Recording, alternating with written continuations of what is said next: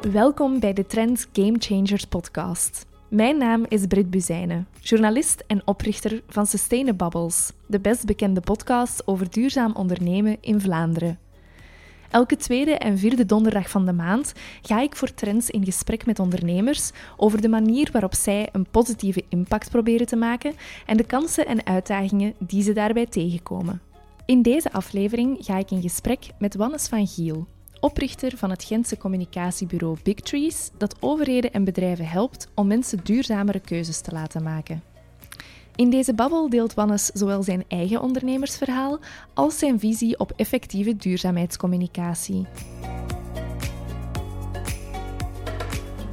Welkom, Wannes. Dankjewel goedemiddag. Goedemiddag. Brit, hi. Super fijn dat je erbij bent vandaag. Met veel plezier. Jij bent de oprichter van Big Trees, een communicatiekantoor dat zich inzet om iedereen aan te zetten tot duurzamere keuzes. Maar misschien laat ik u dat best zelf vertellen wat dat Big Trees is. Wij, wij proberen onze, onze baseline, to make good things grow, in de praktijk om te zetten. Dus wij zijn echt op zoek naar impact. We willen impact maken. Ehm, positieve impact liefst. Dus wij helpen bedrijven en overheden om beter te connecteren met ondertussen de gigantische groepen mensen die er zijn die duurzamer willen leven. Oké, je zegt de gigantische groepen. Ehm, ja, is dat zo, vraag ik mij soms af, want ik zit natuurlijk ook in de bubbel van de Mhm. duurzaamheidsmensen. Uh, groeit die groep? Ja, die groep is echt super groot. Dus daar is eigenlijk geen of nauwelijks polarisatie over het belang van duurzaamheid.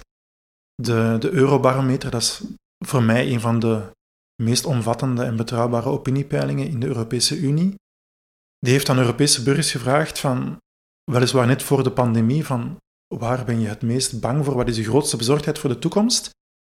En klimaat staat daar gewoon op één. Dus 93% van de Europese burgers, dat zijn dus ook de Polen en de Roemenen en de Zuid-Europeanen, waarvan wij denken dat ze daar veel minder van wakker liggen, die antwoorden eigenlijk dat er veel meer zou moeten gebeuren rond, uh, rond klimaatopwarming. En voor 70% onder hen is het klimaat eigenlijk een noodtoestand waard. Dus uh, dat zijn zeer forse cijfers en ook zeer forse engagementen. Mm -hmm. Nu, er is natuurlijk een groot verschil tussen wat dat je vindt en wat je uiteindelijk zelf doet. Dat is een heel andere vraag. Mm -hmm. Ja, daar gaan we zo dadelijk verder uh, op ingaan, maar uh, ik wil misschien eerst jouw eigen verhaal een keer horen. Jij bent eigenlijk graphic designer van opleiding. Hoe komt een, een grafisch designer erbij om een communicatiebureau voor positieve impact te gaan ja. beginnen? Een zeer goede vraag. Dat brengt me eigenlijk terug bij, bij, bij heel mijn jeugd. Mm -hmm. um, ik heb heel lang in een uh, vereniging gezeten voor natuurbehoud en milieubescherming. Okay. De Jeugdbond voor Natuur en Milieu.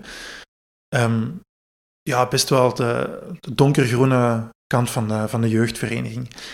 Uh, met heel veel engagement. En ik heb daar ook uh, samen met een vriend pers en promotie gedaan. Dus wij, wij proberen ook die vereniging wat groter te maken. En ik had eigenlijk twee frustraties. En, en de ene frustratie was van... Waarom vinden mijn leeftijdsgenoten duurzaamheid zo onbelangrijk? Ik lag er zelf echt wakker van. Um, ja, terwijl dat voor mijn klasgenoten en mijn leeftijdsgenoten eigenlijk totaal onbelangrijk leek. Maar mijn andere frustratie was, waarom zitten wij met onze club zo erg op die moral high ground? Waarom willen wij, vinden we het veel belangrijker om, om gelijk te hebben dan gelijk te krijgen? Mm -hmm. En als je die twee bij elkaar optelt, dan is het eigenlijk, ja, dan komt daar de motivatie uit voort van ik wil later iets doen om zoveel mogelijk mensen mee te pakken in die noodzakelijke transitie die er is. Mm -hmm. Um, dus dat, dat grafisch vormgever verhaal, ik denk dat is, ik doe dat nog altijd super graag, maar dat is wat je graag doet.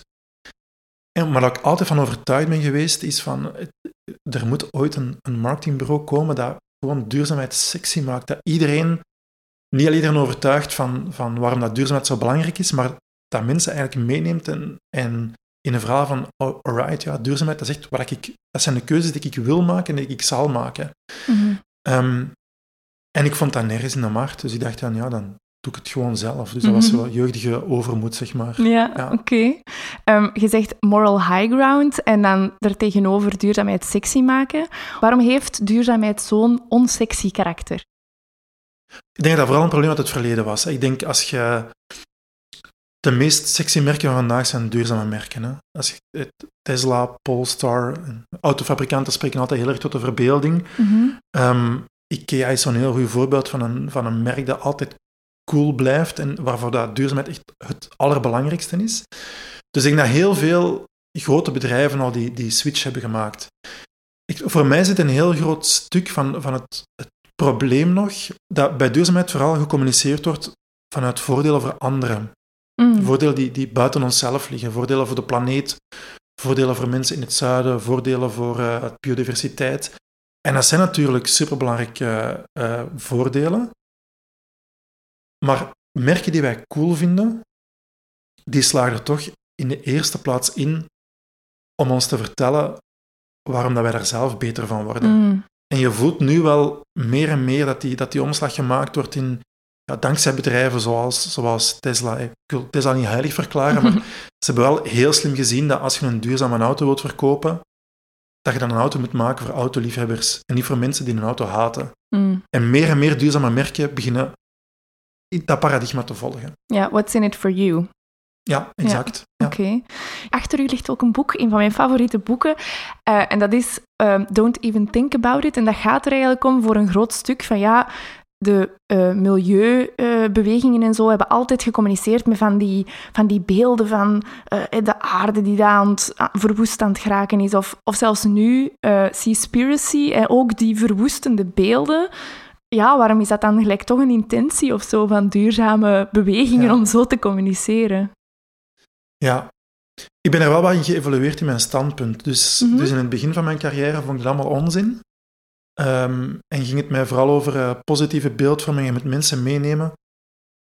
Maar ik denk toch dat NGO's daar wel echt heel succesvol in geweest zijn ondertussen. In Ja? die, eh, ja, ik, ehm, ik mag ook af en toe eens gaan spreken, ehm, bijvoorbeeld voor studenten. En dan zeg ik altijd, als je iets wilt veranderen, onderschat niet de kracht van activisme, die is er nog altijd. En onderschat niet de kracht die je hebt eh, om een overheid bang te maken. Dus ik, ik vind wel een, een politici die ageren vooral als ze bang zijn van iets. Mhm. Als die bang zijn om stemmen te verliezen, dan handelen die. Ehm, dus als er 65.000 mensen op, het klimaat, op een klimaatmars komen met angstbeelden, dan heeft dat echt impact. Mm. Ehm, als een groep activisten eh, plastic begint uit te laden uit een, plastic, uit een winkelkar in de winkel, ja, dat heeft echt impact in wat die, in wat die winkelketen doet. Mhm. Veel meer dan, dan eh, proberen de hand te reiken. Mm. Dus ik ben ehm, ook wel niet tegen dat, ehm, het feit om, om bang te maken. Alleen eh, zou ik dan adviseren aan NGO's, kies op wie dat je die angst projecteert. Mm. Gebruik de energie die er is bij burgers om die angst te projecteren op, over, op politici. Ehm, voor merken en ook voor, eh, voor de overheid. Om vanuit de overheid te communiceren is het veel beter om mensen mee te nemen in een positief verhaal. Mhm. Maar ik vind niet dat NGO's zich daarin moeten inschakelen. Ik vind, die zijn er eigenlijk om te rebelleren Mm. en, om, en om, om, om ons met de neus op de feiten te drukken. Dus ja, ik geloof wel in de kracht van bijvoorbeeld eh, Extinction Rebellion of Greenpeace. Mhm. ja, ja, maar dan gericht op overheden inderdaad en niet op individuen bang maken per se. Toch minder. Ja, Ja. mhm. er is, pas op, er is natuurlijk wel een, een, een groep die daar vatbaar voor is. Hè. Mijn groep, de in-crowd. Mhm. En die kunnen op hun beurt heel veel positieve initiatieven nemen, zoals sociaal ondernemerschap of het eh, proberen te, zo- zoals ik gedaan heb, het promoten van, van bedrijven die goed bezig zijn, of het Mhm. overtuigen van andere bedrijven om hun kansen te tonen. Ja.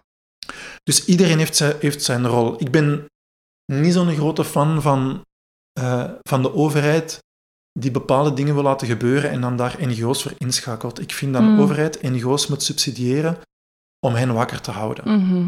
Ehm, en je zei daarnet van oké, ik begon daar een beetje aan, hè, aan dat ondernemersverhaal vanuit een idealisme en een onverschrokkenheid. Wie waren uw eerste klanten?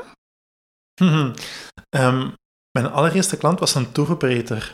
Oké. Speaking about sustainability. Ja. Eh, maar ik heb dat in dank aanvaard. Ik denk dat je, dat je als ondernemer dat je altijd nood hebt aan die paar klanten, die eerste twee klanten, Mhm. die in je geloven als mens en als ondernemer. Ja, uw sponsor, ik kan, kan het niet anders zeggen, die je toelaat om, om fouten te maken en ook verwacht dat je ja, die extra mile Mhm. eh, loopt. Ja. En het interessante is dat wij, dat wij samen ook geëvolueerd zijn in, in duurzaam denken. En eh, die tour operator is ondertussen vier, vijf keer uitgeroepen tot eh meest duurzame tour operator van, van België en Nederland. En wij hebben ook steeds meer duurzaamheidsservices, strategische consultancy rond duurzaamheid beginnen leveren. Mm. Ehm, dus ja, dat is wel mooi dat je, dat je samen daarin kan groeien met je klant. Ja, en wat boden jullie dan voor hen als eerste aan? Was dat dan eh, een campagne of, of wat is dat dan precies? Ja. Ehm, ik ben afgestudeerd als grafisch vormgever, dus ik maak de eerste brochure. Echt ja, desktop publishing, hè, dus eh, teksten die binnenkomen, daar foto's bij zoeken en een hele brochure in elkaar steken. Mhm. Ehm, en dan een ander aspect, wat dat denk ik elke ondernemer doet, is een klein beetje bluffen. En zeggen van, eh, ik denk dat ik ook wel leuke campagnes kan maken. Oké. Ehm, en dan in je eigen kamer proberen een Himalaya-landschap na te bootsen met een laken en, en je Photoshop beginnen prutsen. Ehm, vervolgens vertellen dat je ook wel riderspots kunt maken. En, en ja, je moet toch zelf ook kansen geven om, om daarin in te, te lukken of te mislukken. Mhm. Maar dat is eigenlijk allemaal heel goed verlopen. En, en ja, we hebben samen een mooie groeitarget gestart van grafisch vormgever over campagnes maken tot meer eh, input beginnen geven over duurzaamheid. En nu ja, hebben wij echt een duurzaamheidspropositie mee ontwikkeld. Oké, kei tof. En eh, daarna, wie komt er dan bij? Allee, niet alleen wie komt er dan bij, maar hoe kies je na die sponsors je verdere klanten? Eh, Maakt je dan een soort profiel op van dit is wat we willen aantrekken en wat niet? Ik denk dat ehm, dat heel verleidelijk is om daar een grote strategie aan te koppelen. Oké. Ehm, maar om eerlijk te zijn, ja, ondernemerschap is eigenlijk gewoon een rommeltje heel vaak. dus dat was bij mij helemaal niet anders. Oké. Ik denk dat mijn tweede klant eh, was eh, een grote industriële fabrikant van, eh, van riemen en slangen. Oké. Ehm, die dan natuurlijk zowel een riem staken in een auto als in een printer als in een mijnbouwwerktuig. Nu, daar heb ik dan wel ingezien dat dat toch niet goed te rijmen valt met, eh, met duurzaamheid. Nu, evengoed maakten wij voor heel veel NGO's eh, campagnes. Mhm. En een van de eerste klanten die erbij kwam was de, de NGO EVA, de ja. eh, vegetarisvereniging, waar ik als vrijwilliger heb gemiliteerd ook. En waar ik dan heel snel in een van de eerste jaren ook die Donderdag Vegedag campagne mee heb vormgegeven. En dat zorgt er natuurlijk wel voor dat andere mensen u vinden. Dus ehm, ik moet er ook niet flauw over doen. Er is altijd een, een, een afweging tussen betaald werk en eh, werk waarvoor dat je wilt inzetten. En na verloop van tijd komen die twee wel bij elkaar. Mhm. En zeker nu, eh, ik, ik denk dat als we nu nog voor onduurzame klanten zouden kiezen, ja, dat is gewoon onverantwoord. Er zit meer dan genoeg kapitaal in, in, in duurzame merken. Mhm. Vaak zit daar tegenwoordig zelfs veel meer kapitaal in dan in onduurzame merken. Maar ja, ik ben ook al een tijdje bezig, hè, dus die, die, die twee komen een beetje samen op de deur. Mhm. En zoals ik het heb gezegd, je, je- de keuze van je klanten is, dat is soms wie er bij u komt, wie elkaar kent en, Mhm. en ja, hoe het loopt gewoon. Ja. Eh, je zei daar straks van, hè, dat was echt een gat in de markt. Een communicatiekantoor dat eh, merken, duurzame merken bijvoorbeeld eh hielp om te communiceren. Wat waren de grootste gaten die dat je daar zag eh, in wat dat er gebeurde qua communicatie? Ehm, ik denk zeker als ik dat moet spreken vanuit mijn overheidsklanten, is ehm, dat ze veel te veel focus leggen op awareness. Mm. We moeten mensen sensibiliseren, Mhm. we moeten een draagvlak creëren. Forget it. Dat draagvlak is er. Oké. Doe het gewoon. Ehm, en een andere fout die ze maken is het idee, als ze maar genoeg informeren, zal de motivatie groeien en zullen mensen bereid zijn om offers te maken. Mhm. Nee, de motivatie is er. Maar als mensen ervaren dat een duurzame keuze nadelig is voor zichzelf, dan zullen ze niet meer bereid zijn om dat offer te maken en gaan ze terug naar hun oude keuze. Mhm. Ehm, dus daar moet een overheid, denk ik, veel beter over nadenken. Ja. Eh, soms, is, soms is de beste manier om draagvlak te creëren het gewoon doen. Als je terugdenkt aan het rookverbod, het draagvlak voor het rookverbod is enorm gestegen als het is ingevoerd. Mm. Een eenrichtingsstraat of een, of een autovrije straat, dat draagvlak stijgt als je dat invoert. Mhm. Soms is de maatregel nemen de campagne die je nodig hebt. Oké, ja. En hoe kunnen jullie daar... eh, Want ik zou denken, een communicatiekantoor dat zegt sensibiliseren, pff, dat moet je niet doen, dat dat wat tegen uw eigen winkel spreken is, of niet? Ehm, dat heeft eigenlijk nog nooit tegen ons gewerkt. Oké. Ehm, er zijn zoveel andere dingen die je kan doen met communicatie. Ehm, dat we er altijd heel veel, heel veel leverage of heel veel, eh, heel veel klanten hebben kunnen mee bedienen. Oké. Een heel eenvoudig voorbeeld is, uh, we hebben ooit een, eh, een oproep gekregen van, van de toenmalige minister van Energie, Bart Tommelijn, om zonnepanelen te promoten. Mhm. Maar zonnepanelen zijn gewoon, zeker toen, maar eigenlijk nog altijd, zijn gewoon super populair. Mhm. Ehm, en de markt doet dat zelf heel goed. Die promoot de zonnepanelen zelf heel goed. Dus dan moet je eigenlijk gaan zoeken, was, waarom, wat zijn de echte reden waarom dat sommige mensen nog altijd in zonnepanelen investeren? Mhm. En dan gaat dat heel vaak over, ehm, mijn dak is niet geschikt. Dus dan moet je eigenlijk mensen overtuigen om, om, om eerst hun dak te laten herstellen. Mm. Ehm, of dat gaat over, ja, ik woon in de schaduw van een ander gebouw. Dus dan hebben we gezocht naar, hey, kunnen we niet eh, gebouwen die uitstek- uitstekend geschikt zijn, zoals zwembaden, bibliotheken, kerken, kunnen we daar, kunnen we daar geen, kunnen we die niet overtuigen Mhm. om zonnepanelen op te leggen en, en mensen verzamelen in een coöperatief om daarvan stroom af te nemen. Mhm. En dat zijn ook heel veel communicatiecampagnes. Dus Oké. Ehm, ja, nee, dat is geen probleem. Er is altijd genoeg te vertellen, denk ik. Ja. Oké.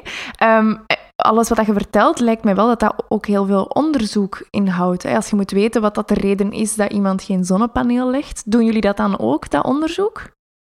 Zeker wel. Ik denk, ik denk wel dat je niet kan onderschatten hoeveel kennis dat er in de markt is. Oké. Die kennis ligt gewoon niet altijd bij marketingstrategen. Hmm.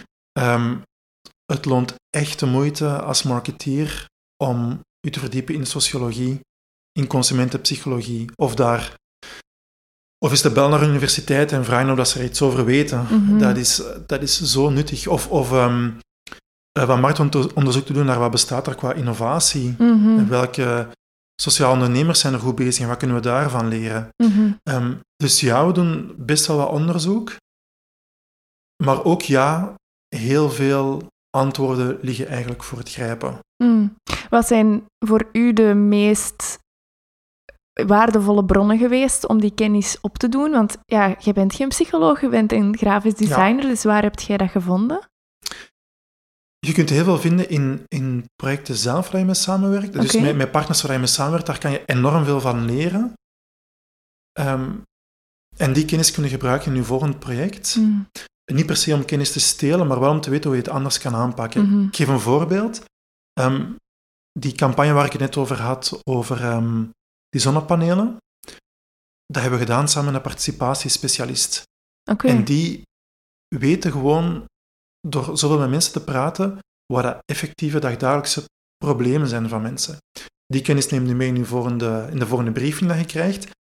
En dan ga je daarop zoeken. Hmm. En dan kom je in, in contact met een eh, eh, professor behavioral psychology van de Universiteit Gent. Mhm. Dan ga je daarmee praten. Hmm. Ehm, maar eh, ik word persoonlijk ook heel erg geïnspireerd door collega's van mij. Oké. Een collega die ge- gespecialiseerd is in consumentenpsychologie. Ja, die vertelt super nuttige dingen daarover. Die kent daar ook heel veel over. Dus die kennis moet je zeker meenemen. We hebben ook een, een collega die toekomstverkenning doet. Dus constant op zoek gaat naar wat zijn nieuwe businessmodellen. Hoe reageren in an- mensen in andere markten. Hmm. Dus daar kan je ook heel veel eh, van leren. Ja. Doen andere marketingkantoren dat eigenlijk ook, wat dat jullie doen? Zo die koppeling maken tussen psychologie, consumentenpsychologie, gedragspsychologie. doen andere marketingkantoren dat? Ja, zeker wel. Hè. Dus eh, België heeft een, een, een onge- ongelooflijk sterk eh, reclamelandschap. En eh, er zit waanzinnig veel eh, expertise in heel veel bureaus. Eh, Waar wij het verschil proberen te maken is, is de insteek. Vanuit welke motivatie gaat je dat inzetten? Een van mijn grote voorbeeldbureaus in de reclame is het bureau Lems uit Amsterdam. En hun mission statement is, wij willen de, No- wij willen de Nobelprijs voor de vrede winnen. En ehm, als je vanuit die insteek gaat werken, dan gaat je werken met heel andere KPI's voor jezelf als, als, als bureau. Bij ons is die, is die, die missie is, wij willen transitie op het terrein kunnen meten. Mhm. Wij willen kunnen tellen hoeveel minder vlees dat er wordt gegeten door een Belg. Wij willen kunnen tellen hoeveel minder zwerfafval dat er- in een berm ligt. Wij willen kunnen tellen eh, hoeveel milieuvriendelijker dat, of, of hoeveel minder CO2 dat een, dat een huishouden uitstoot. Ehm, of hoeveel dat een bedrijf meer omzet omdat ze, omdat ze duurzamer zijn gaan produceren. Mhm. Als dat je beloningssysteem is, dan gaat je alle kennis die je hebt en de motivatie om andere kennis te zoeken anders aanwenden. Daar ben ik zo van overtuigd. Dat is veel belangrijker dan, dan de kennis waartoe dat je toegang hebt, of de talenten waartoe je, toe, waartoe je toegang hebt, is de manier waarop dat je die kennis inzet. Mm. Ik denk dat dat echt het verschil maakt om nog verder te zoeken in. Maar wat maakt nu dat mensen echt hun fiets gaan pakken om naar het werk te gaan? Mhm. Wat maakt nu dat een CEO echt overtuigd is om, om toch die. Ehm, ja, om toch in vraag te stellen of dat nog of dat nog per se moet investeren in dierlijke proteïne. Dus Mhm. die insteek die is echt gewoon essentieel. Ja. ja, het draait heel veel rond gedragsverandering bij jullie. Hè? Eh, allee, meer dan hoe krijgen we dit product, ook al is dat een duurzaam product, verkocht, bij Ja. wijze van spreken. Maar het zijn er twee. Dus ehm, ehm, dat is heel vaak de discussie, ook binnen de, bijvoorbeeld het netwerk De Shift, waar wij deel van uitmaken. Dan eh word je wel eens zo in voorbereiding van een algemene vergadering gevraagd. Wie gelooft er meer in technologie en wie gelooft er meer in gedragsverandering om, ehm, als, als impactmaker voor wat er verandert? En ik vind dat echt ik vind dat een crazy vraag gewoon. Zonder technologie gaan we het niet redden, zonder gedragsverandering gaan we het ook niet redden. Mhm. Dus je hebt gedragsverandering nodig, waardoor dan een, een CEO of een R&D-medewerker zegt nee, ik wil toch onderzoeken hoe dat we dat duurzamer kunnen krijgen. Mhm. En je hebt die supergoeie innovatieve producten nodig om mensen die van gedrag willen veranderen, om dat ook vol te houden. Mhm. Weet je, de, de, je- een heel goed voorbeeld is de, de pandemie nu. Zonder gedragsverandering, blijf in je kot, was dit een ramp geweest. En gedragsverandering was het eerste en ook het enige wat we konden doen. Mhm. Maar zonder technologie, namelijk die vaccins, gaan we er ook niet uit geraken. Mhm. Dus je hebt de twee nodig. Als die twee niet samenwerken, dan krijg je een heel raar effect. Weet je dat de auto's die gaan 70% efficiënter om met hun energie dan de auto's uit de jaren 70. Oké. Maar de uitstoot van die auto is niet veranderd. Ze hebben gewoon die auto groter gemaakt, zwaarder gemaakt, er allerlei extra dingen in gestopt, zodat de uitstoot van een, een gemiddelde auto vandaag nog altijd ongeveer hetzelfde is als een uitstoot van een, van een geitje in de jaren 70. Ondanks die toename in energie-efficiëntie. Voilà, dus je hebt een enorme technical leap forward en die Mhm. heb je nodig. Maar je hebt ook mensen nodig die zeggen van ik, ik ga toch mijn transportsysteem wel een keer in vraag stellen. Mhm. Ja. Dus die twee grijpen altijd op elkaar in. Dus voor ons zijn eh, mensen helpen om hun gedrag te veranderen, is vandaag even belangrijk als bedrijven helpen om beter technologie te leveren Mhm. En die ook beter te verkopen. Mhm, ja. Ehm, ik heb u net gevraagd, hoe vind je dat andere campagnes dat doen, of andere kantoren dat doen beter? Hoe vind je dat duurzame ondernemers dat vandaag doen? Wow, boeiende vraag. Er zijn gigantische stappen gezet. Maar echt, er zijn gigantische stappen gezet. Ehm, eerst moet ik zeggen, de, de, eh, een paar jaar geleden was onze job eigenlijk simpeler. Wij gingen op zoek naar de goede bedrijven, zij die het juist doen. en dan eh, ehm, heb je ook zij die het fout doen. Mhm. Ondertussen is er de European Green Deal. Iedereen zal gemotiveerd worden om het goed te doen. En wat je ziet is dat, dat die voorlopers, dat die, die hebben een hele evolutie gemaakt. Kijk naar een bedrijf zoals Ecover. In, in het begin communiceerde je veel, veel meer over gebruik Ecover als jij ook nog goeie zei. Mhm. Het was niet zoveel minder wit dan, dan Dash en het is veel beter voor de planeet. Die hebben ondertussen een hele weg gemaakt. Die communiceren nu zeer offensief en vol zelfvertrouwen van wij zijn gewoon vandaag het, het beste merk voor u als consument. Als je kijkt Mhm. naar packaging, als je kijkt naar advertising, naar social media, dat doen ze veel beter. Mhm. Ehm, een aantal grote bedrijven die, die zoeken het omgekeerde patrimonium. Als je kijkt naar een, eh, een bank zoals BNP, die hebben vandaag een grote campagne positive banking.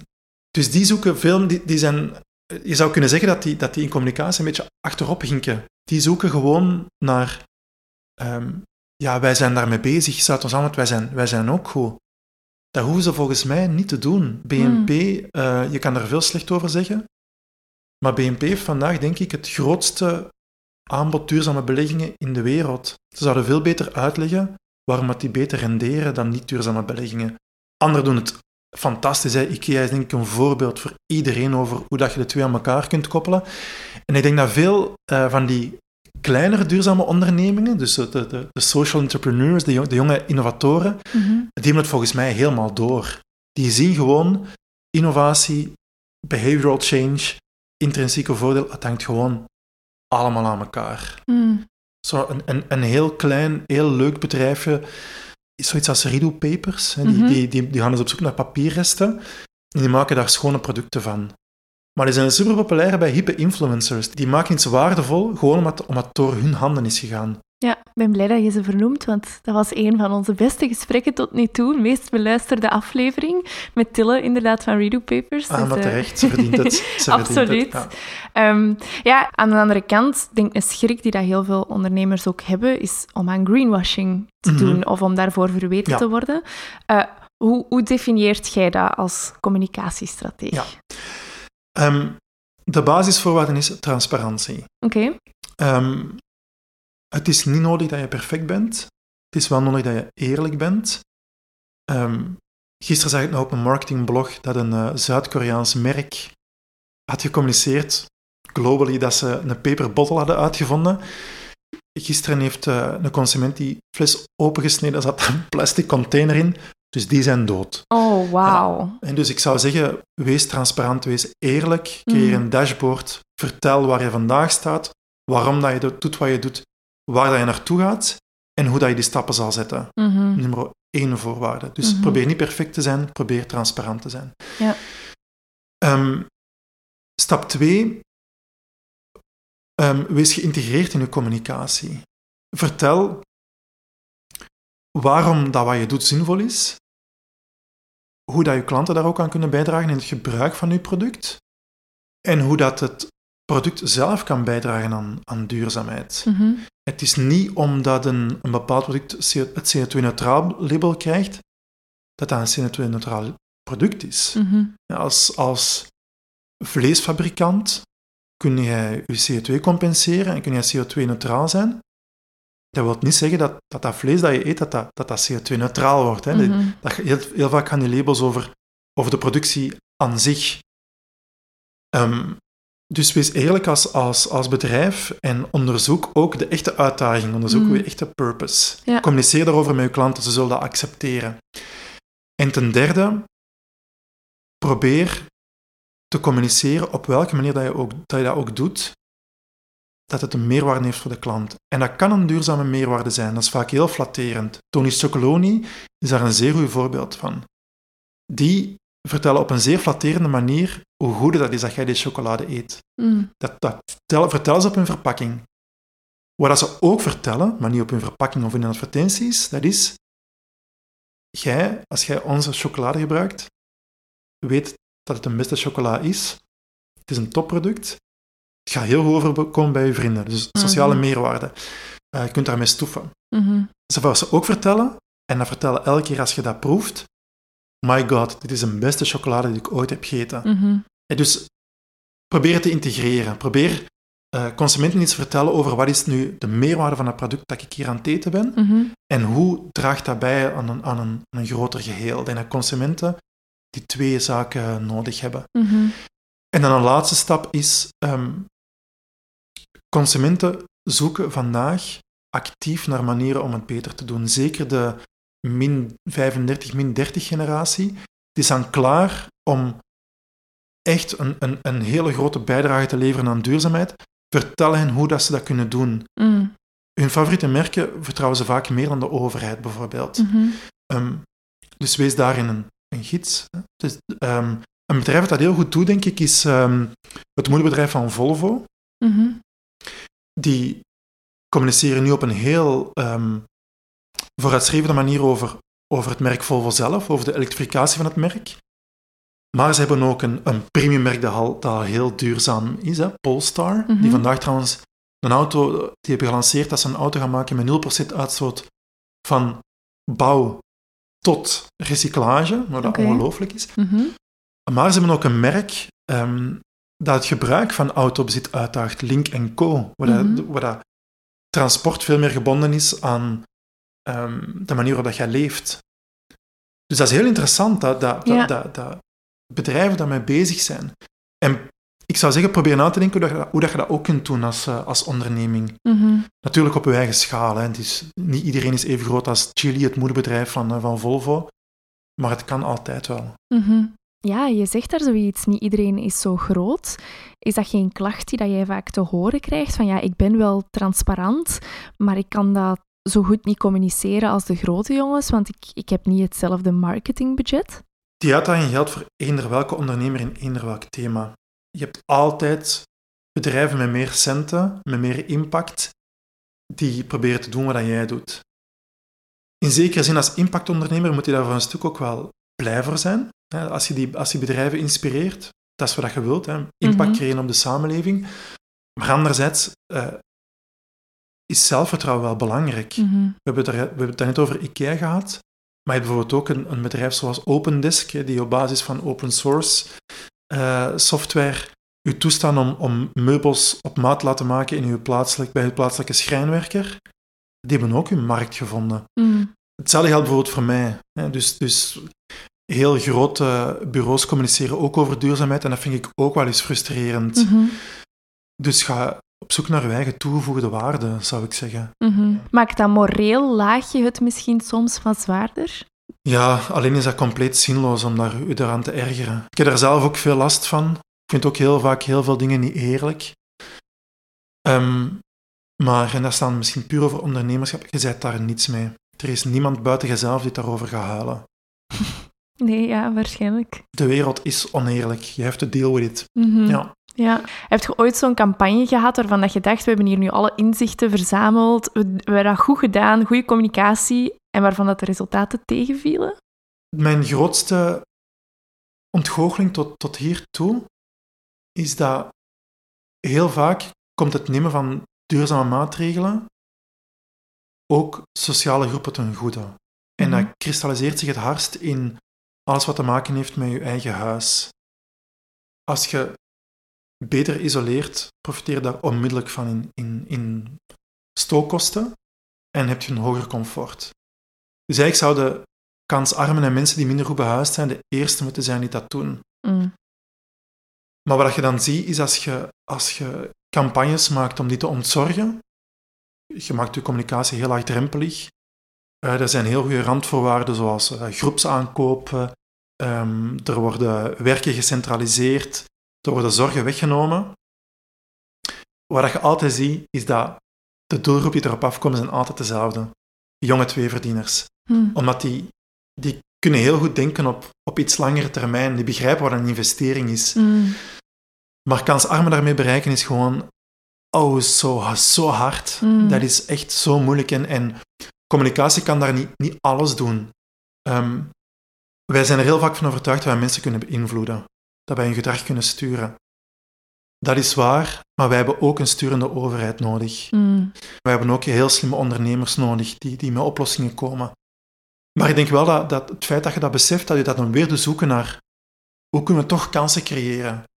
Hoe kunnen we toch naar ondernemers stappen en, en hen helpen om, om uit te reiken naar andere doelgroepen? Mm hoe kunnen we helpen schaal te creëren? Mm maar dat is zeker mijn, mijn grootste ontgoocheling, dat um, niet altijd de mensen zijn die het hardst nodig hebben, dat je die altijd bereikt. Ja, oké. Zijn er dingen die dat je spontaan nog wilt vertellen, die ik niet heb gevraagd, maar waarvan dat je zegt, dit moet er zeker nog bij? Als iemand die al heel, als iemand die al heel lang in, in, in duurzame wereld zit,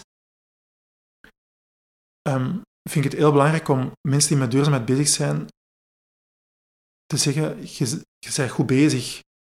En lijkt een beetje op een, uh, op een scouts-uitspraak. Maar heel vaak heeft de duurzaamheidswereld er een handje van weg om te zeggen van ja, maar nee, het moet, het moet niet uh, plantaardig zijn, het moet circulair zijn. Als het niet circulair is, is het niet oké. Okay. Mm. Um, het moet niet circulair zijn, maar het moet CO2-neutraal zijn. Als het niet CO2-neutraal is, is het niet oké. Okay. En um, als het niet is met, met, met een gigantisch respect voor de biodiversiteit, dan is het ook niet oké. Okay. Ik zou zeggen, het is heel goed dat er zoveel parameters zijn aan duurzaamheid. Maar je moet vol, zelf, moet vol zelfvertrouwen zijn dat je een positieve bijdrage levert. En um, het is niet omdat je nog niet op alle aspecten van duurzaamheid um, dat je daaraan beantwoordt, dat je nog niet mag beginnen communiceren. Mm Zolang je transparantie biedt, gaan mensen dat echt appreciëren. Um, dat wat je doet, dat dat, die gaan geloven dat, dat, dat het iets goed doet. Ja. Iets goed is. Ja. Ik denk dat dat een hele mooie takeaway message is. Ja, thank you. Dankjewel om eh, vandaag te komen Mhm. babbelen. Merci voor de uitnodiging. Met zeer veel plezier.